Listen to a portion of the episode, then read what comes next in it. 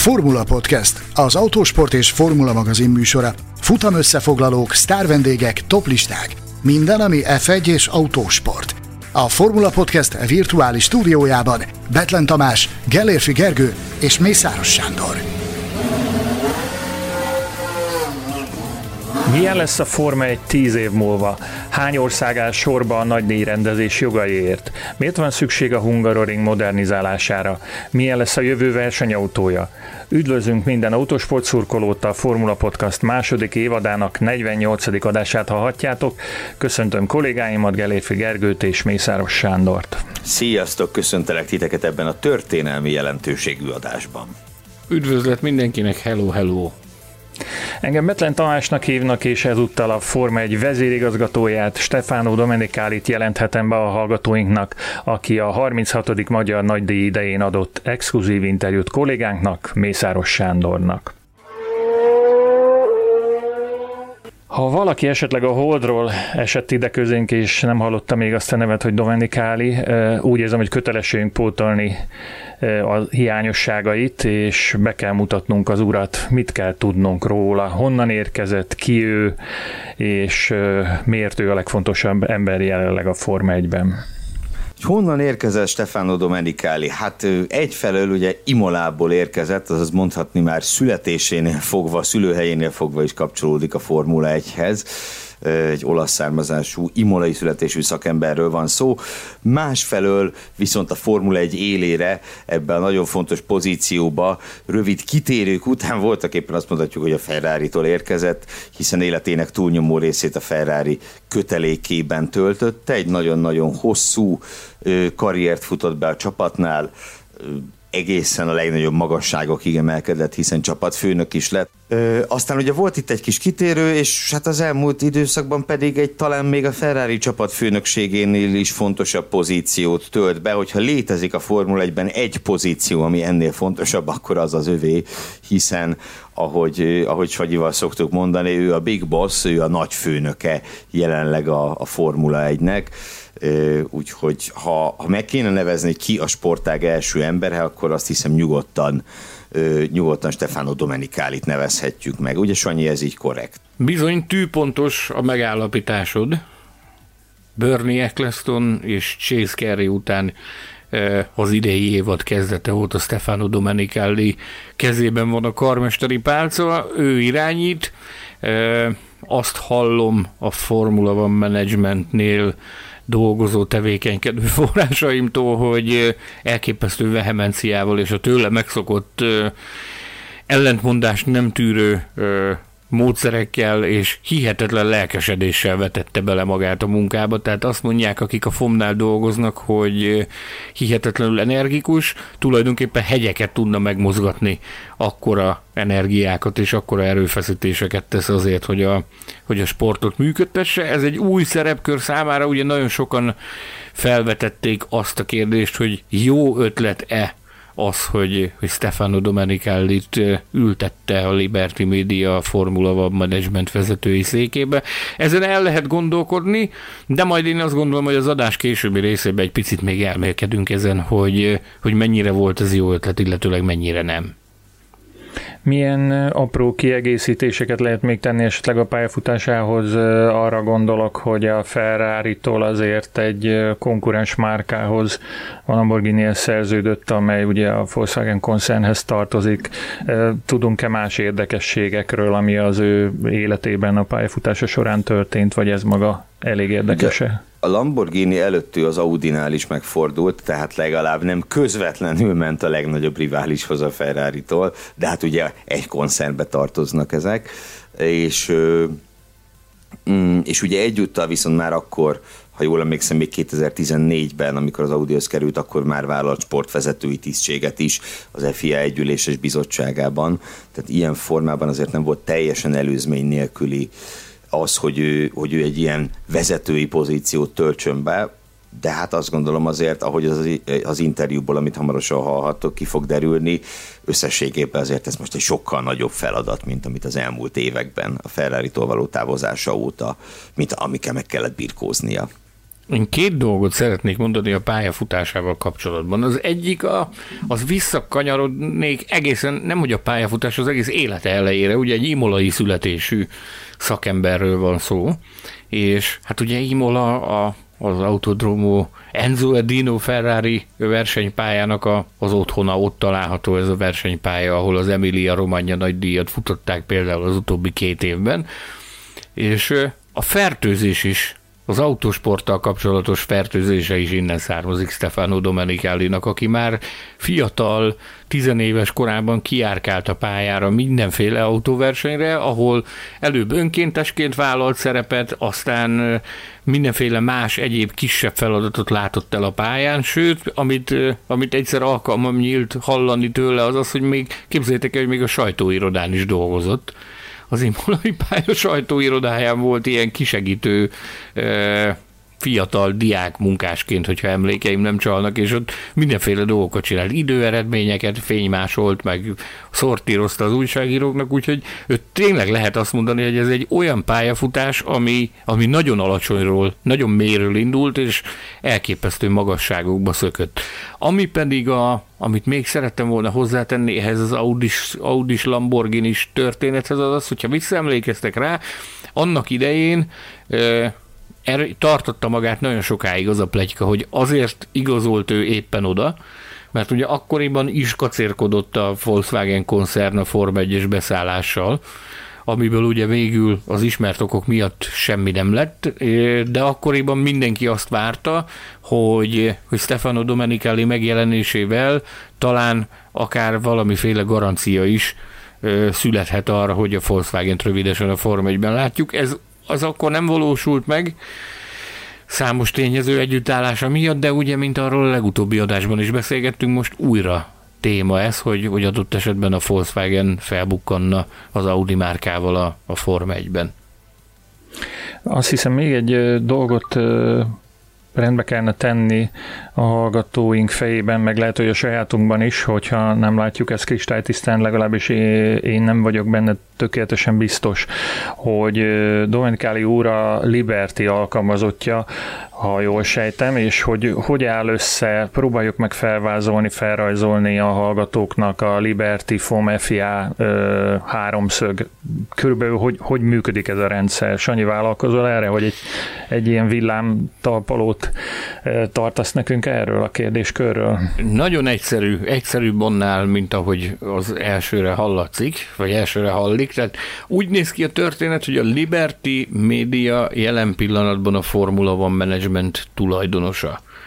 Ezért mondtuk azt, hogy a Liberty Media nevezte ki Stefano Domenicali a Formula One Management élére, ugyanis ez az anyacég, ami a, ami a Formula One Managementet birtokolja. A Formula One Management az a, az a cég, ami a sportág üzleti és kereskedelmi jogait birtokolja, illetőleg ugye a világbajnokságot szervezi, és, és megteremti a feltételeit annak üzleti szempontból, hogy a világbajnokság az, az lebonyolódjon.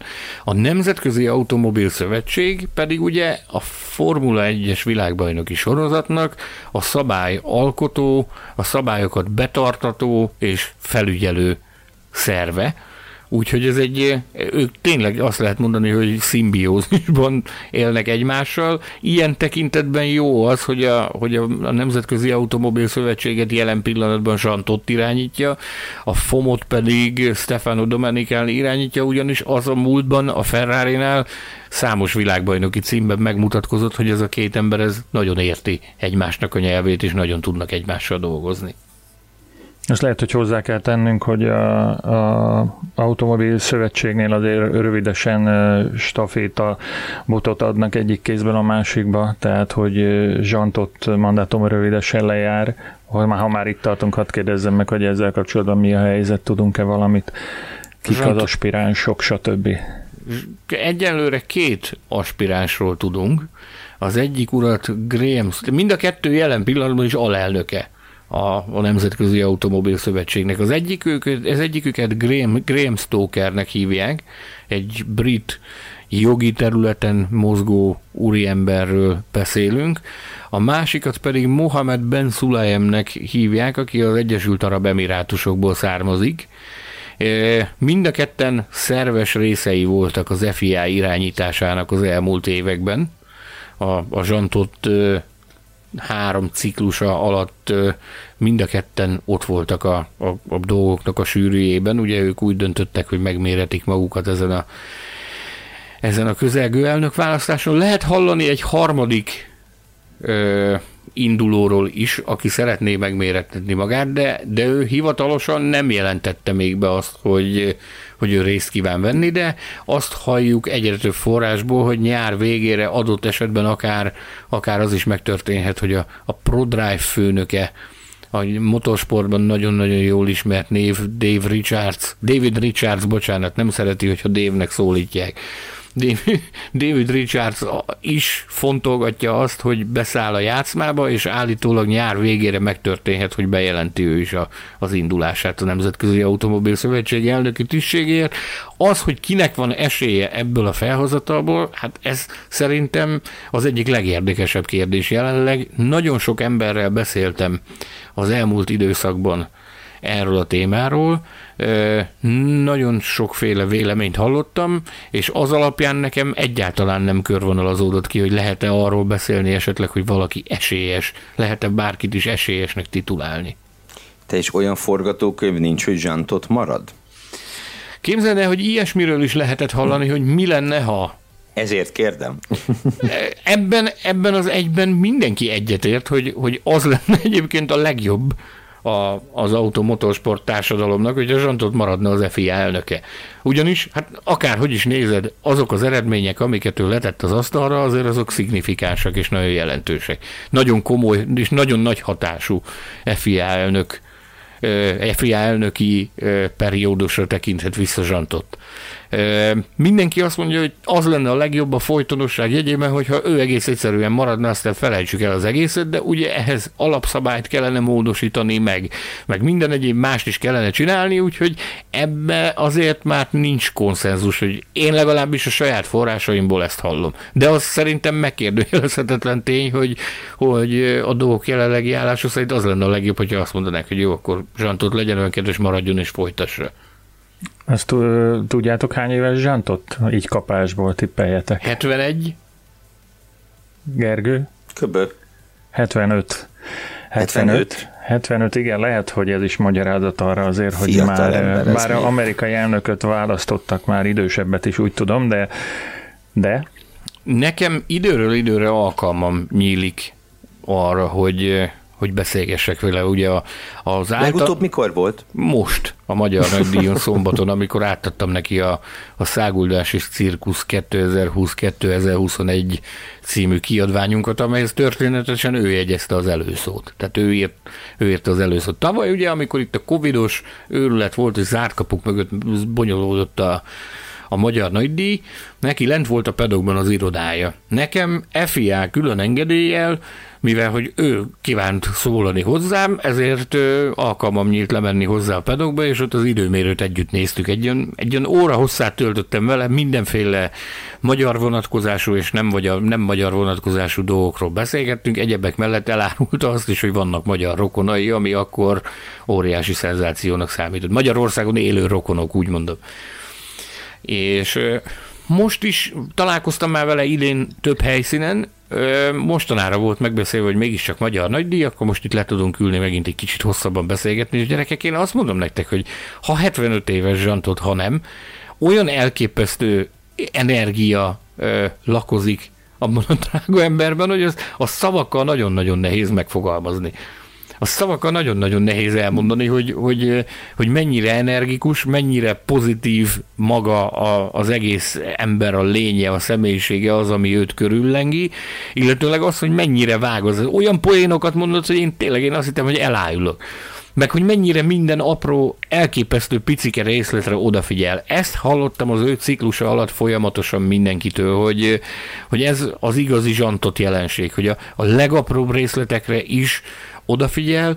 Nyilvánvalóan az ő körülötte dolgozó, kabinetjében dolgozó emberek közül, az, tehát azokban az emberekből a lelket kihajtja, de ugyanakkor azt is lehet érezni, hogy a tűzbe is belemenne azokért, akik, akikkel együtt dolgozik. Tehát nagyon-nagyon-nagyon karizmatikus vezetőről van szó. Egyébként Olá Gyárfással érdemes lenne a Magyar Nemzeti Autosport Szövetség elnökével, az FIA offroad bizottságának az elnökével beszélgetni egyszer erről, mert ő, ő sokkal részletesebb leírást tud adni arról, hogy milyen az, amikor valaki közvetlenül zsantotnak a kollégája, ugyanis mondom, egy szenzációs figura.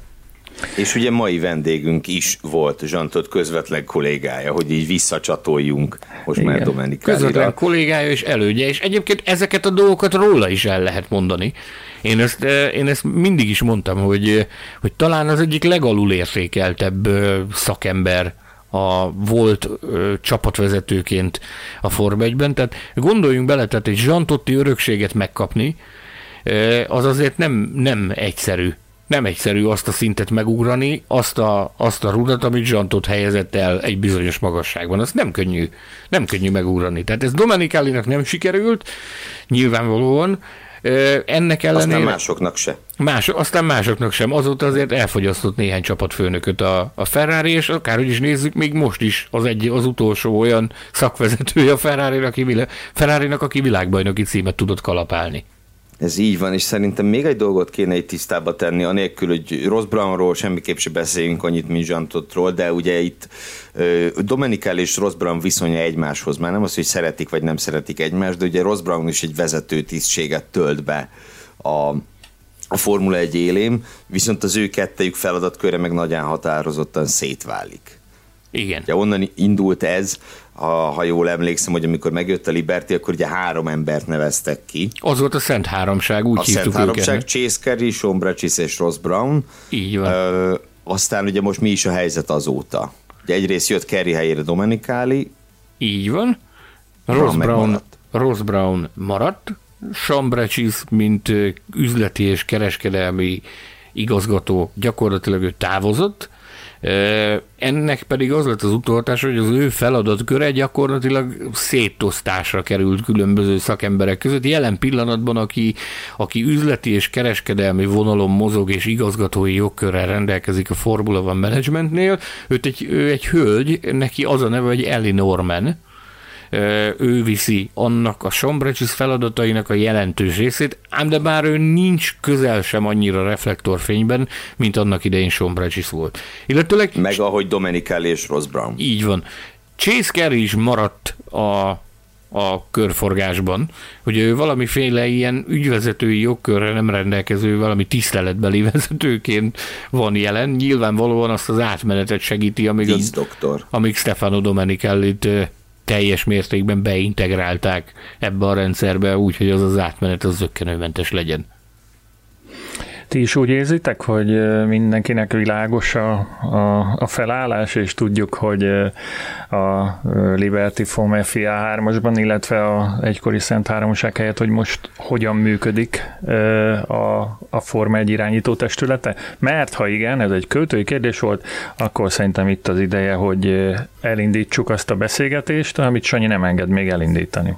Kénytelen vagyok meghúzni, hogy Eprő Tamás ne rohanj ennyire előre, majd hallani fogják a, a drága hallgatóik azt, hogy ezúttal a hangminőség a túloldalon, hát nem nevezhető ultra, ultra jónak, ennek, ennek egész egyszerűen oka, egész egyszerű oka van.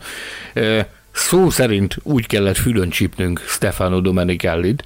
Ugye még a Magyar Nagy Díj előtt meg akartuk csinálni ezt az interjút. Így is volt megbeszélve, hogy még a Magyar Nagy Díj előtt ez elkészül, és le is tudjuk, gyártásba tudjuk adni, és ki is jövünk vele a Formula Podcast csatornán, de Képzeljétek el, hogy azon a napon, ez egészen pontosan szerdára volt fixálva a Magyar Nagy hetében, azon a napon egy, egy last minute-ben e, érkezett egy telefon a FOM Londoni irodájába, hogy bármennyire iparkodunk, meg bármennyire szeretnénk, ez azon a napon nem fog sikerülni, ugyanis bent ragadt egy hosszú videokonferencia Stefano Domenicali. Úgyhogy e, megszületett az a döntés, hogy akkor tegyük át másnapra, Viszont másnapra is minden pillanata ki volt számolva a vezérigazgató úrnak, úgyhogy mielőtt elindult Budapestre, az előtt ültették le az irodában, és nyomtak az orra alá egy telefont, amin Microsoft Teams-en keresztül lefolytattuk, a, ami, tehát ami lehetővé tette azt, hogy Microsoft Teams-en keresztül lefolytassuk a beszélgetést, úgyhogy ezért nem hangzik ultra professzionálisan. Mi minden esetre azért nagyon-nagyon büszkék vagyunk arra, hogy, hogy a Formula 1 vezérigazgatója ránk szánta az időt, és, és állását adta arra, hogy ő a Formula Podcastben is megszólaljon, de majd az interjú után még hozok egy pár érdekességet ezzel kapcsolatban. A nagyfőnököt Stefano Domenicellit, a Formula 1 vezérigazgatóját köszöntjük a Formula Podcastben. Óriási megtiszteltetés számunkra, hogy itt vagy velünk, nagyra értékeljük, hogy ránk szánod ezt az időt. Azt hiszem Magyarországgal kellene kezdenünk, ha nem bánod. Absolutely. This is the 36 running... Ezen a hétvégén már a 36. magyar nagydíjat futják, ami azt is jelenti, hogy Monza után ez a második legrégebb óta folyamatosan a naptárban lévő helyszín. Mit jelent Magyarország az F1 számára? Mi a személyes véleményed erről a versenyről, illetőleg a Hungaroringről? And, and, and what do you think about the Hungaroring in general? First of all, we are very pleased to come to Hungary because as you said, Mindenek előtt nagyon örülünk, hogy Magyarországra jöhetünk. Amikor 1986-ban megrendezték az első itteni versenyt, bizton állíthatom, hogy senki nem gondolta volna, hogy a Magyar Nagydíj és Budapest ennyire fontos elemévé válik a versenynaptárnak. A Magyar Nagydíj mindig egy fantasztikus esemény, elképesztő hangulattal, Budapest pedig egy csodás város, remek hagyományokkal és nagyszerű történelemmel. A Formula 1 teljes közössége szívesen jön ide. Sajnos, ahogy jól tudjuk, a körülmények most kicsit mások a Covid helyzet miatt, de igyekszünk előre tekinteni. Már zajlanak az egyeztetések a promóterekkel, a szervezőkkel. Magyarország jövője a verseny naptárban egyre erősebb. Örömmel mondhatom a magyar szurkolóknak, hogy már most azon dolgozunk, és annak a feltételeit vizsgáljuk, hogy a magyar nagydíj még tovább maradhasson a naptárban. Egy szóval nagyszerű és különleges helyszín ez, ahol szép és nehéz pillanataink is voltak, és az F1 teljes közössége nagyon nagy örömmel jön a pályára és Budapestre. Említetted a jövőt. Tudomásunk szerint a jelenlegi szerződés 2027-ig szól, de azt is tudjuk, hogy bizonyos fejlesztésekre van szükség a pálya részéről. Ki tudnád fejteni kicsit, hogy milyen elvárásoknak kell megfelelnie a FOM felé a Hungaroringnek ahhoz, hogy tartósan is megtarthassa a magyar nagy díjat?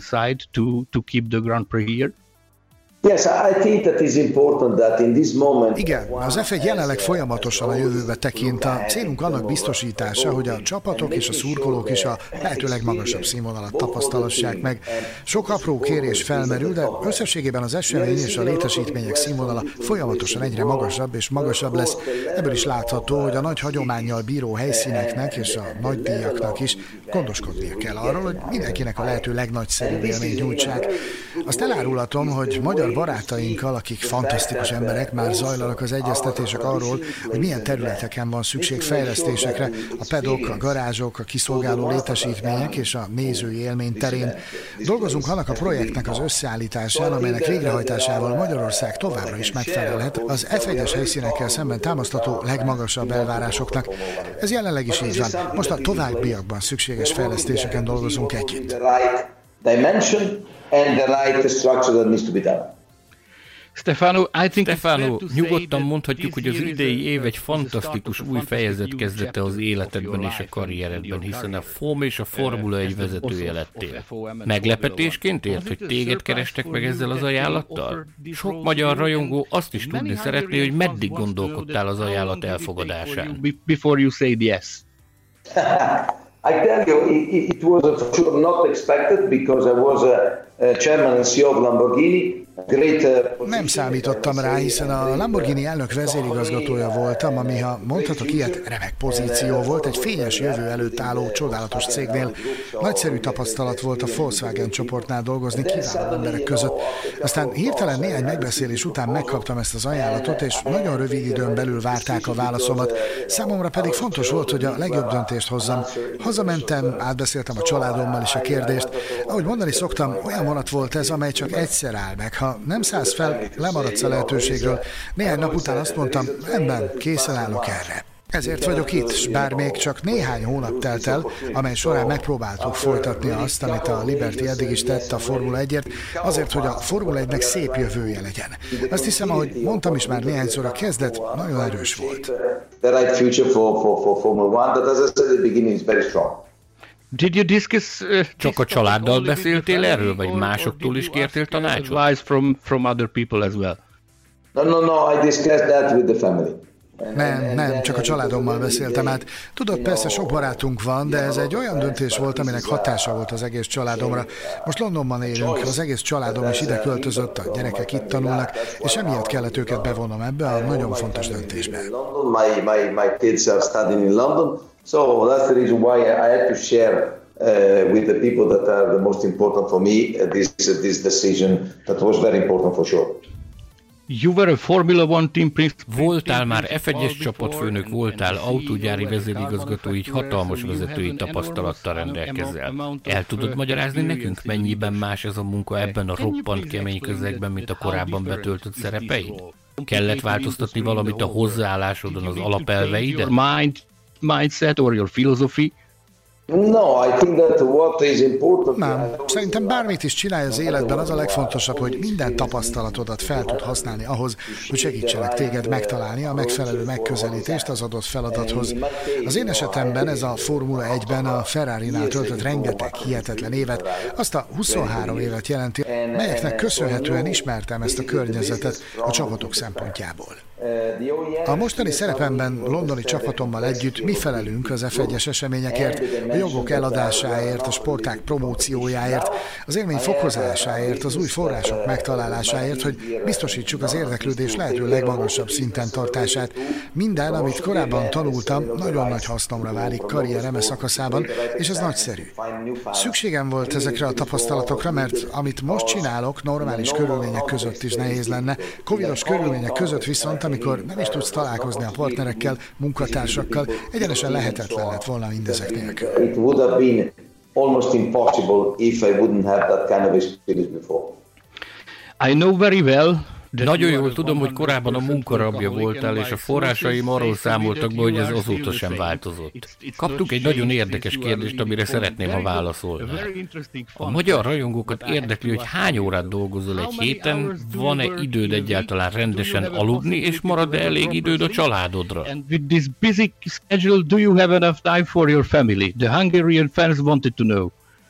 That's a great question. I mean, uh, uh, you know, I was used to work a lot. Ma ez egy jó kérdés. Korábban valóban nagyon sokat fordítottam a munkára, mennyiségi és minőségi szempontból egyaránt, és ez azóta sem változott. Ez az egyik oka annak, hogy, amint mondtam, ez egy családi döntés volt, hiszen az elvégzendő munkamennyiség sok időt igényel, ezért azt akartam, hogy a közelemmel legyenek a szabad pillanataimban. Ez roppant fontos volt számomra, hogy hány órát dolgozom? Azt mondanám, naponta legalább 10-12 12 órát, a csekély szabadidőmet pedig próbálom az igazán fontos dolgokra fordítani. Ami az alvást illeti, már a kevés óra jut, de ha alszom, akkor igazán alszom, és próbálok sportos is maradni. Reggelente nagyon korán fordítok egy kis időt az edzésre, mert így friss elmével, a megfelelő megközelítéssel, lelkesedéssel és energiaszinten támadhatom meg a napi feladatokat. that has to involve everyone that is around. Just back to Formula One in Silverstone... Visszatérve a Formula 1-re, Silverstone-ban megpillanthattuk a 2022-es F1-es autó modelljét, azaz kaptunk egy kis ízelítőt a közeljövőből. A visszajelzések összességében véve igen pozitívak, ráadásul egy új motorformulán is dolgoztok az FIA-val és a gyártókkal együtt. Milyen hatása lehet ezeknek a változásoknak?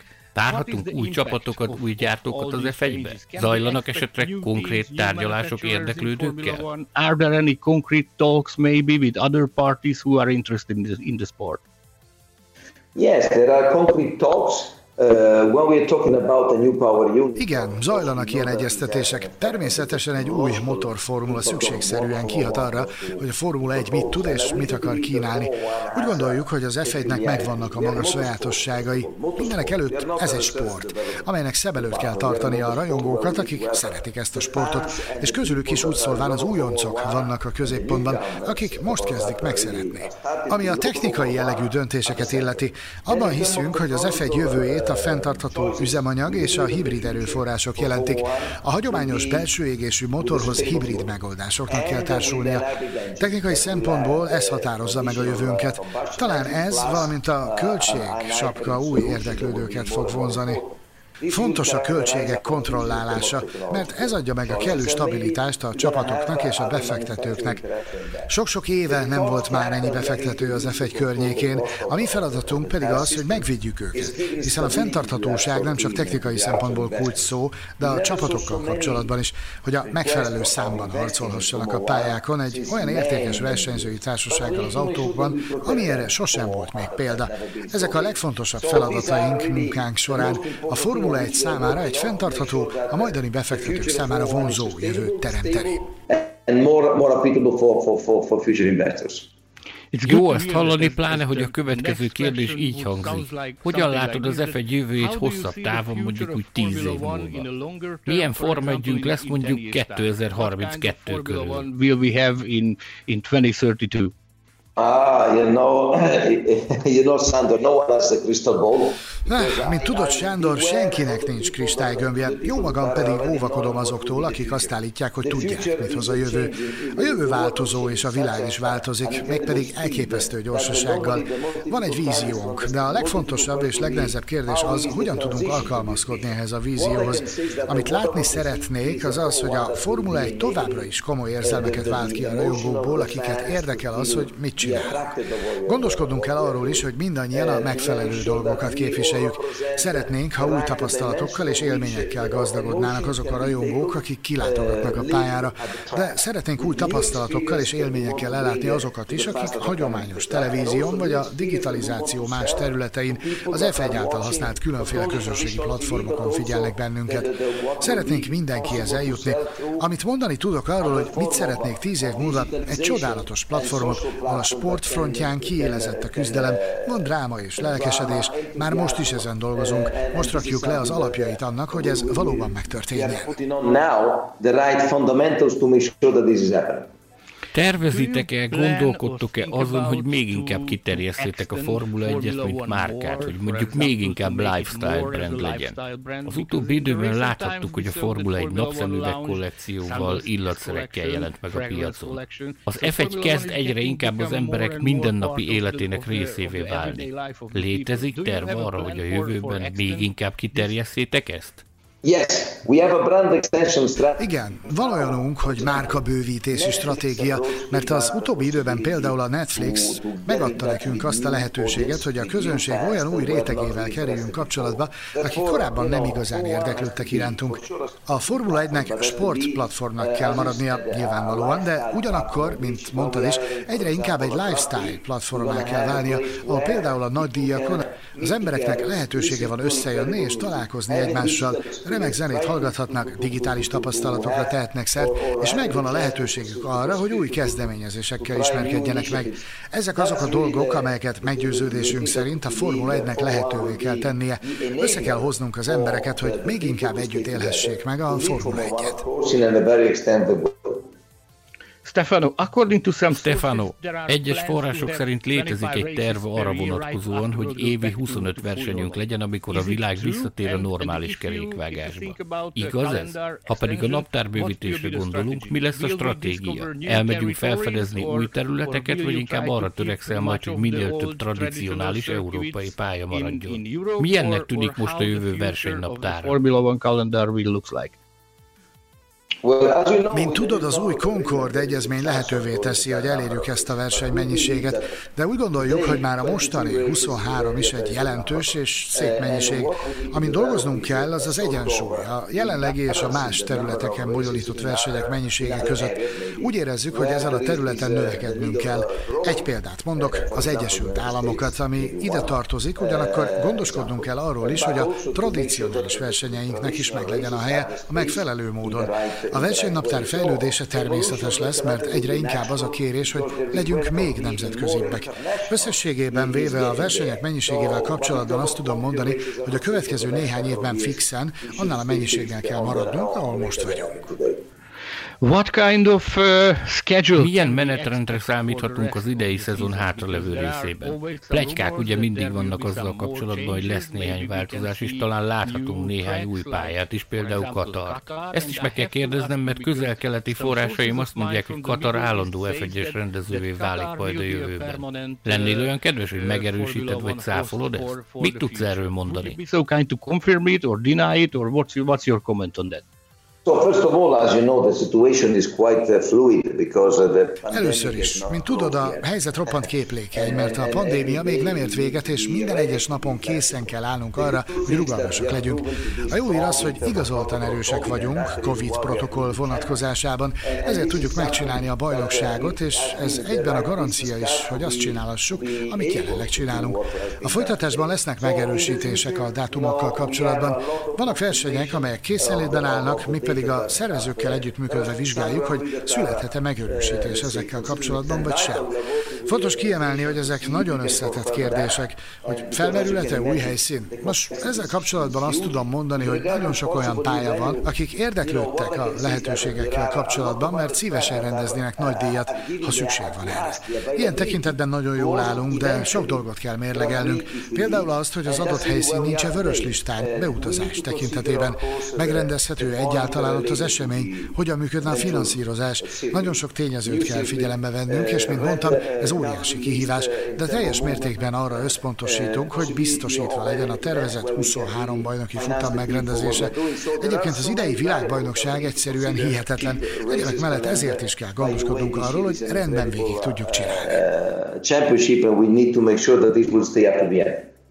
A forrásom jól mondja, hogy Katarnak lesz hosszú távú jövője az F1-ben, vagy sem? Nos, ezt ma még nem tudom megmondani. Semmi más nem tudok mondani azon túlmenően, hogy vannak más országok is, amelyek nagyon szeretnének lehetőséget kapni arra, hogy részei legyenek a jövőben az F1-nek, nem csak Katár. Beszélhetünk Koreáról, beszélhetünk Dél-Afrikáról, beszélgethetünk Marokkóról, de akár Argentináról is. A lista nagyon-nagyon hosszú.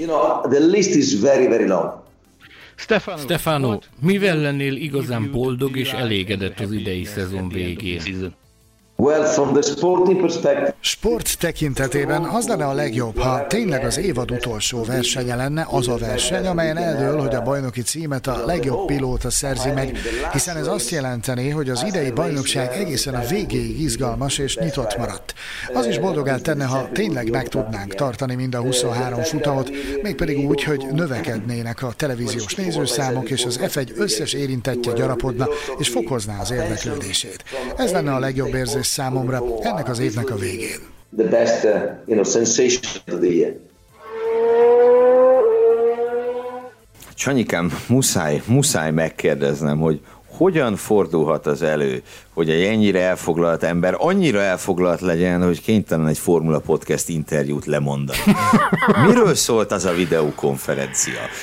Jó, ez most kicsit ilyen alákérdezés, mert én tudom, viszont érdemes elmesélni. Miről is szólt ez? Tehát ugye azt az információt kaptam, hogy bent ragadt egy videokonferencián Stefano Domenicali, ezért csúsztunk meg, ezért alakult úgy, hogy azon a bizonyos napon ez már nem sikerült megoldani. Ugye főhívtalak téged, elsírtam bumat bánatomat, hogy a fészkes fekete felébe, hogy meg, me elterveztünk mindent, és hogy egy, hogy mer ez az ember itt videokonferenciázni, aztán ugye elköszöntünk egymástól, azt mondtad, hogy üsse kavics, majd, a, majd sikerül másnap, nem lesz ezzel semmi gond. Nyilvánvalóan én is így voltam vele, de aztán egyszer csak csörgött a telefon, nem fedhetem fel a forrásomat, de azt kérdezte az illető, hogy ugye neked ma van az interjúd ezzel az emberrel, én pedig mondtam neki, hogy hát ma lett volna, mert hogy így, és akkor elkezdte mondani az információkat, hogy legyen nyugodtan, nem lesz interjúd a mai nap folyamán, ez biztos, holnap vélhetően meg lesz, és akkor a, a forrás az fölfedte, hogy itt valójában arról van szó, hogy azon a bizonyos napon, amikor lefújta az interjút nekünk, akkor a katariakkal folytatott vége láthatatlanul hosszú tárgyalássorozatot Stefano Domenicali, ahol állítólag szóba került az, hogy Katar beugróként már idén megmutatná magát, aztán ugye ott 2022-ben minden a labdarúgó világbajnokságról fog szólni, viszont 2023-tól állítólag a katariak azzal ostromolják őt, és a Formula One Managementet, hogy ők szeretnének egy 10 éves szerződést kötni, és 10 éven keresztül vendégül látni a Form 1-es világbajnokságot. Ez az oka egyébként annak, hogy másnap az interjúban ennyire nyomtam ezt a Katar témát, mert, mert nagyon-nagyon kíváncsi voltam arra, hogy, hogy mi fog kiderülni. Hát ugye cáfolat nem hangzott el, egyértelmű cáfolat nem hangzott el, viszont azt legalább, az legalább sikerült elérni, hogy, hogy azért hallhattunk néhány helyszínt, hogy kik azok, akik sorban állnak azért, mert Form 1 futamot szeretnének rendezni. Többek között Koreáról és Dél-Afrikáról, meg Marokkóról és Argentináról volt szó. Korea ha... nagyon meglepett. Korea nagyon meglepett. Igen, hogyha hogy választhatnátok a négyből egyet, akkor melyiket kérnétek? Ezt már megszavaztuk egyszer, nem Gergő? Persze. Dél-Afrikát. Persze. Dél-Afrikát egyértelműen. Ö, óriási hagyományai vannak ott az autósportnak, és, és szerintem, ha valahol bár én azt sem bánom, hogy egynél több verseny lenne az afrikai földrészen, de hogyha, hogyha valahol lennie kell, az Dél-Afrika. Hát én ne felejtjük azon két ország egyike, ahol még OB-t is rendeztek. Form országos, for, országos Formula 1-es bajnokságot, ugye csak a britek és a dél-afrikaiak csináltak ilyet. De hát Argentinában is nyilván az Argentina hagyományait se kell nagyon hosszan feltegetni. Azt mondjuk, hogy Fangio Reutemann, és akkor aztán hogy archoz, hogy archoz és névhez is tudják kapcsolni a hallgatók például az argentin nagy díjat. Azután hosszú évek óta hajtja a biciklit egy bizonyos Federico Gastaldi, aki, aki egy nagyon komoly ö, múltra tekint vissza szintén a Form 1 Ugye ő volt a, annak idején annak a bizonyos Lotus Renault istállónak, vagy Lotus Renault, előbb Lotus Renault gépé volt, aztán Lotus, sima Lotus lett belőle, ahol a Rijkönen és a Grosjean versenyzett. Ugye ő ott volt kvázi csapatfőnök, bár csapatfőnök helyettesi tisztséget viselt akkor éppen, hogyha nem tévedek, de, de ő annak az istálónak volt a vezetője, amellett, hogy sok egyéb más csinált. Ő hosszú, hosszú, hosszú évek óta, azóta is mióta nincs hivatalos Form 1 szerepe, időről időre látom őt a Form 1 pedokban, sőt, még beszélgetni is szoktunk egymással. És ha jól emlékszem, akkor ő tolta hátulra a Carmen Jordát, ugye? Hát, igen. Most hogy mire gondolsz? Már hogy a Forma 1-ben még mielőtt itt valaki félreérti. Ő fogta kezét Kármen Zsordának, hogy Forma 1-ben is megmutathassa magát, mint, mint póló tulajdonos, nem? Hát igen. Fölvetődött a műsor felvezetőjében két név. Azt hittem a műsoridő vetődött fel. Még nem vetődött fel a műsoridő. Dominikáli úr elő, elődeit emlegettétek, Bernie eccleston és Chase Carey-t, hogy lehet-e hasonlítani bármiben hozzájuk Dominikáli urat, érhetnek el hasonló eredményeket, érhet el hasonló eredményeket, mint, mint a nagy elődje, és nem tudom, hogy lehet-e nagy elődnek nevezni Chase Carey-t. Nekem ezzel kapcsolatban markáns álláspontom van. Tehát nem is ugyanazok az elvárások, mint amik, mint amik a, a, nagy, a nagy előde Bernie Ecclestonnal kapcsolatban voltak. Ugye Bernie Eccleston az, aki ezt az egész hóbelevoncot megteremtette.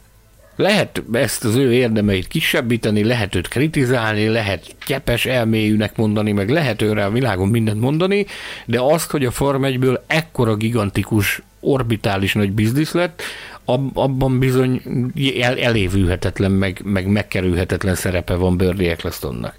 E, ugye ő egy, egy, egy meglehetősen zárt világot hozott létre, és ezt a zárt világot koordinálta, kontrollálta és irányította. Neki ez volt a szerepe, hogy kemény kézzel ezt a gyeprőt ezt fogja, és ezt az egészet egyben tartsa. Na most a Liberty, ugye ezzel együtt, ahogy a Liberty fölvásárolta a Formula One managementet, és elkezdte a saját képére formálni, ezzel együtt itt egy, egy jóval nyitottabb világ alakult ki. Tehát már nem az a, a feladata egy, egy Formula One Management vezérnek, egy F1 vezérnek, hogy egyben tartsa. Nyilván az is, hogy egyben tartsa, de itt most már azért egészen másban mérik a sikernek az értékét. Ezért is kérdeztük meg hallgatói kérdés alapján. Nem tőle, Schneider Judit volt az, aki, aki az ötletet adta, hogy ezt mindenképpen kérdezzük meg, hogy miben méri a sikert. Hogy mivel lenne elégedett például. És tehát az elvárások sem ugyanazok, úgyhogy nem feltétlenül kell összevetni a, a két embert. Ugye Chase Carey-nek is megvolt a saját maga, maga feladata. Neki az volt a feladata, hogy átvezesse a Form 1-et abból a korszakból ebbe a korszakba, aminek most gyakorlatilag az első évét éljük. Ezt a feladatot én úgy gondolom Chase Carey úgy, ahogy megoldotta. Megszületett az új Concord egyezmény, ami, ami hosszú évekre garantálja a Form 1-nek az egyben maradását, de azt azért ne felejtsük el, hogy ez a Concord egyezmény azért köszönő viszonyban sincs azzal a Concord egyezménnyel, amit, amit Bernie Eccleston összerakott. Tehát közel sincsenek már olyan kemény e, dolgok benne, mint amik, e, mint amik korábban az Eccleston érára voltak jellemzőek. A legmerészebb elképzelések is annak idején Ecclestonhoz kapcsolódtak, pont a Magyar Nagydíj kapcsán jutott eszembe, hogy, hogy nem, hogy ő volt az 2011-ben, aki felvetette, hogy mesterséges esővel kellene feldobni a, a versenyeket, az úgymond az unalmasabb futamokat megbolondítani egy kis, egy kis csapadékkal. Emlékeztek még erre? És, és, és manapság mennyire tűnne ez kivitelezhetőnek, vagy mennyire tűnne őrült ötletnek egy, egy, egy hasonló felvetés mondjuk Dominikáli részéről, vagy egyáltalán elképzelhető ilyesmi 2021-ben, tíz évvel később? Szerintem nem. Tehát ilyen, ilyen dolgokhoz nem fognak hozzányúlni. Itt most mindenki abban reménykedik, hogy ugye elkészült a, a, az új formula, az új szabályrendszer, ami ugye most is, mint korábban, a korábbi években, és mindenki azt várja, hogy majd, majd ez felfűszerezi egy kicsit, és izgalmasabbá teszi a versenyzést, tehát nem ilyen mesterséges dolgokban gondolkodnak ők, hanem azt szeretnék, hogyha ez a szabályrendszer ez végre tényleg lehetővé tenné azt, hogy, hogy kicsit butább autókkal, de, de izgalmasabb versenyeket láthassunk. Akkor, ha egyetértetek azzal, hogy majdnem mindent elmondtunk Dominikáli úrról, akkor bejelentem, hogy a műsoridőnk lassan a végéhez közeledik. Mit szóltak ehhez? És, és vállaljuk el a kockázatát annak, hogy a, a, a, a szokásostól eltérően nem másfél, meg két órás adást fogunk a hallgatók nyakába zúdítani, most egy kicsivel rövidebbet. Szok, szoktak kritikák érni minket azért is, hogy túl hosszúak az adások, úgyhogy most akkor kedvezünk azoknak, akik szerint nem a méret a lényeg. Bár azért Vagy én még hálás lennék, hogyha hallhatnánk egy, egy dióhéjban összerakott Betlen Tamás élmény, élménybeszámolót a Magyar Nagy Díjról. Ugye te a nézőtéren tartottad szemmel a a Form 1 szurkolóhadat és a mezőnyt, amint éppen a, a pályán csatáznak. Milyen, milyen volt neked a Magyar Nagy Tamás? Kedves hallgatók, pokoljárásról fogtok hallani. Ezt a drága embert, Tamást úgy terrorizálták, hogy nyakon öntötték, a fülébe óbégattak, és minden egyéb szörnyűséget tettek ellene. Add ki magadból, kérlek, Tamás. Add ki magadból a feszültséget. A, mm, ahogy a legfrissebb autósport és Formula magazin főszerkesztő jegyzetében írtam, gyakorlatilag 1986-ban töltöttem utoljára verseny hétvégét e, először is utoljára a nézőtéren. Hát azóta sok minden változott. E, igazából... A lángos ára. Alá, sok minden. E, igazából szombaton volt szerencsém a feleségemmel kimenni először, e, iszonyat nagy hőség volt, és így majdnem mindent bejártunk, amit lehetett. E, akkor én úgy éreztem, hogy béke és barátság, boldogság és, és, és happiness mindenhol, e, ölelkező szurkolók, és, és mindenki elégedett volt azzal, azzal, ami történik körülötte, és mindenki boldog volt. Valahogy ez az érzés ránk is átragadt. Aztán a vasárnap egy elég különleges taktikát választottunk, a, a verseny startja előtt 50 perccel indultunk el a, a szállásunkról, és nagy megdöbbenésemre 30 percet vett igénybe. Egyébként Dunakeszin halljátok? Igen. ja, Istenem. Szóval Dunakeszin aludtunk, és 30 perc alatt úgy sikerült kérni a pályára, hogy a himnusznál már ott ültünk. Egyszerűen zseniális volt. Nem tudom, hogy minek köszönhető az új bekötő útnak, vagy a, vagy a korrekt rendezésnek, szóval nagyon könnyű volt kérni, és már amikor éreztük az esőcseppeket, akkor azért, azért tudtuk, hogy itt, itt valami nagyon jót fogunk látni, meg hallani, meg érezni, és, és ebben nem is csalódtunk gyakorlatilag majd, hogy nem egy foci meccsen éreztem magam, bár, bár úgy gondolom, hogy a Super Bowl tribűnön egy kicsit talán nem annyira vad szurkolók ülnek, mint a, mint, mint a többi helyen, de, de nem így volt. Tehát itt is felugráltak az emberek az első, a második, a harmadik, a negyedik körben, ahogy elhaladt a mezőny, vagy itt ugye egész más volt a koreográfia az ismert események miatt, de, de nem bírtak magukkal a szurkolók, és a morajlás és az ódítás ilyen, ilyen közelről egész más élmény volt, mint, mint amikor bentről látja a, a sajtószobából az újságíró ugyanezeket a történéseket, és, és valóban az is megtörtént, hogy már nem tudom melyik esemény kapcsán, de, de ö, valaki fönt a két-három sorra följebb, mint ahol mi ültünk, elhajított egy dobos sört, és ebbe jutott mindenkinek. Nem tudom, hogy mások hátra néztek, én nem néztem hátra, mert egyszerűen csak élveztem ezt a hangulatot, ami ott uralkodott. Zseniális volt. hallgatók, aki nyakon öntötte Betlen Tamás, nyugodtan jelentkezzen ajándéktárgyakért a podcastkukac.formula.hu És említsük meg, ha nem említettétek meg, bocsánat, hogy még nem hallgattam meg a tegnapi adást, hogy hogy többen éltek a, a lehetőséggel, és saját maguk által készített Formula U Podcast hashtages feliratos táblákkal vettek részt a Magyar Nagydíjon. Én ehhez csak egy kulacsal tudtam hozzájárulni, de az Isten áldja meg ezeket az embereket, akik még ebben a helyzetben is fontosnak tartják, hogy, hogy a jó hírét vigyék, és, és emeljék a színvonalát ennek a, ennek a podcastnak, és, és minél több emberrel megismertessék ennek a műsornak a fontosságát, érdekességét, szépségeit. Ugye? Egyetértetek? Teljes hát mértékben. Hogy? Én el voltam varázsolva, amikor megláttam. Én, én poénból mondtam ezt, amikor mondtam, hogy milyen jó lenne, hogyha lenne ilyen. Abszolút poén jelleg volt, és hát megcsináltatok. Én, én, teljesen, én teljesen le voltam nyűgözve, komolyan. Az, csak ezt tudom mondani, amit te mondtad, hogy az Isten áldjon meg beleteket. Nos, akkor a műsor végé jöjjön a szokásos elköszönés, egy kicsit megbolondítva. Köszönjük, hogy ismét velünk tartottatok. Ismét azt kérjük, hogy ajánljátok ismerőseiteknek, barátnőiteknek, feleségeiteknek és az ő barátaiknak, hogy kövessék podcastünket Spotify-on és a többi netes lejátszófelületen.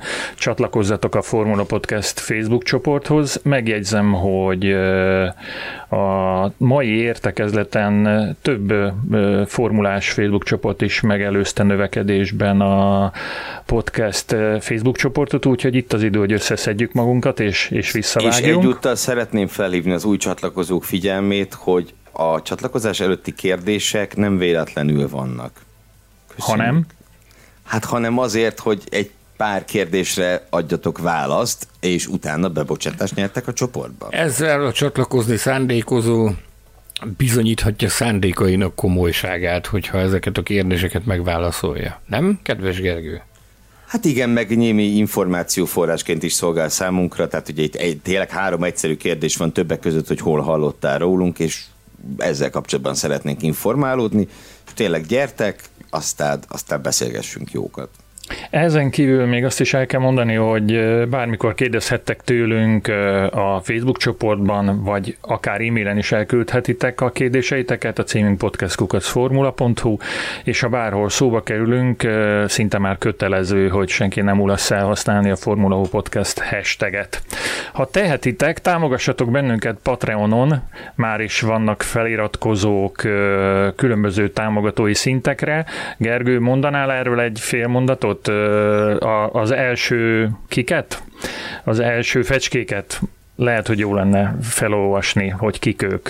Igen, igen, igen, szóval látogassatok el a www.patreon.com per Formula Podcast weboldalra, és hogyha módotokban és kedvetekben áll, akkor, akkor támogassátok az adásaink elkészülését úgy, ahogy azt tették többek között Ort Noémi, Varga Csaba, Tóth Zsombor, Visi Ákos, Hegyei Júlia, egy másik Varga Csaba, Móni István és Bertalan Zoltán is. Nagyon-nagyon köszönjük nekik, illetve azoknak is, akik kisebb dotációval járultak hozzá ahhoz, hogy, hogy működni tudjunk folyamatosan, és, és ennyi. És Tamás, te ezt olyan jól csinálod, ezt az elköszönést, hogy most már vissza is adnám neked a szót. Nem áll nekünk jól az elköszönés, te olyan jól csinálod, komolyan. Jó, el kell még mondani, hogy hogy muszáj olvasnatok a legfrissebb magazinunkat, amely pénteken kerül majd utcára. Nem áruljuk el még most, hogy ki lesz a címlapon, de azt megígérhetem, hogy megint egy nappal hamarabb megláthatjátok a magazin első oldalát. A formula.hu-t az természetesen minden nap lehet olvasni, sőt minden órában, minden percben. El kell, hogy mondjam, hogy a Magyar Nagydíj másnapján, tehát hétfőn rekordot döntött az olvasottságunk, csak így tovább. Látogassátok az oldalt minél többször először. Ezen kívül van még tévéműsorunk, amit érdemes nézni, kereshetitek könyveinket, posztereinket a webshopunkban, és más csecsebecséket is találtok ott, de ez mind semmi, mert azért a legfontosabb az, hogy szeressétek az autósportot és a motorsportokat. Munkatársaim, barátaim, szerkesztő kollégáim Gelérfi Gergő és Mészáros Sándor, Hilbert Péter kiemelt főtechnikus, valamint Stefano Dominikáli magyar hangja Vályi Zsolt nevében is búcsúzom. Ígérem, hogy néhány nap múlva ismét hallhattok majd bennünket, addig is sziasztok! Hallgass meg korábbi műsorainkat, valamint iratkozz fel ránk Spotify, Google, Apple Podcast vagy más csatornáinkon. A linket megtalálod a leírásban, illetve a formula.hu weboldalon. Ha szeretnél hozzájárulni a műsor készítéséhez és fejlődéséhez, látogass el Patreon oldalunkra, amelynek címe www.patreon.com per Formula Podcast.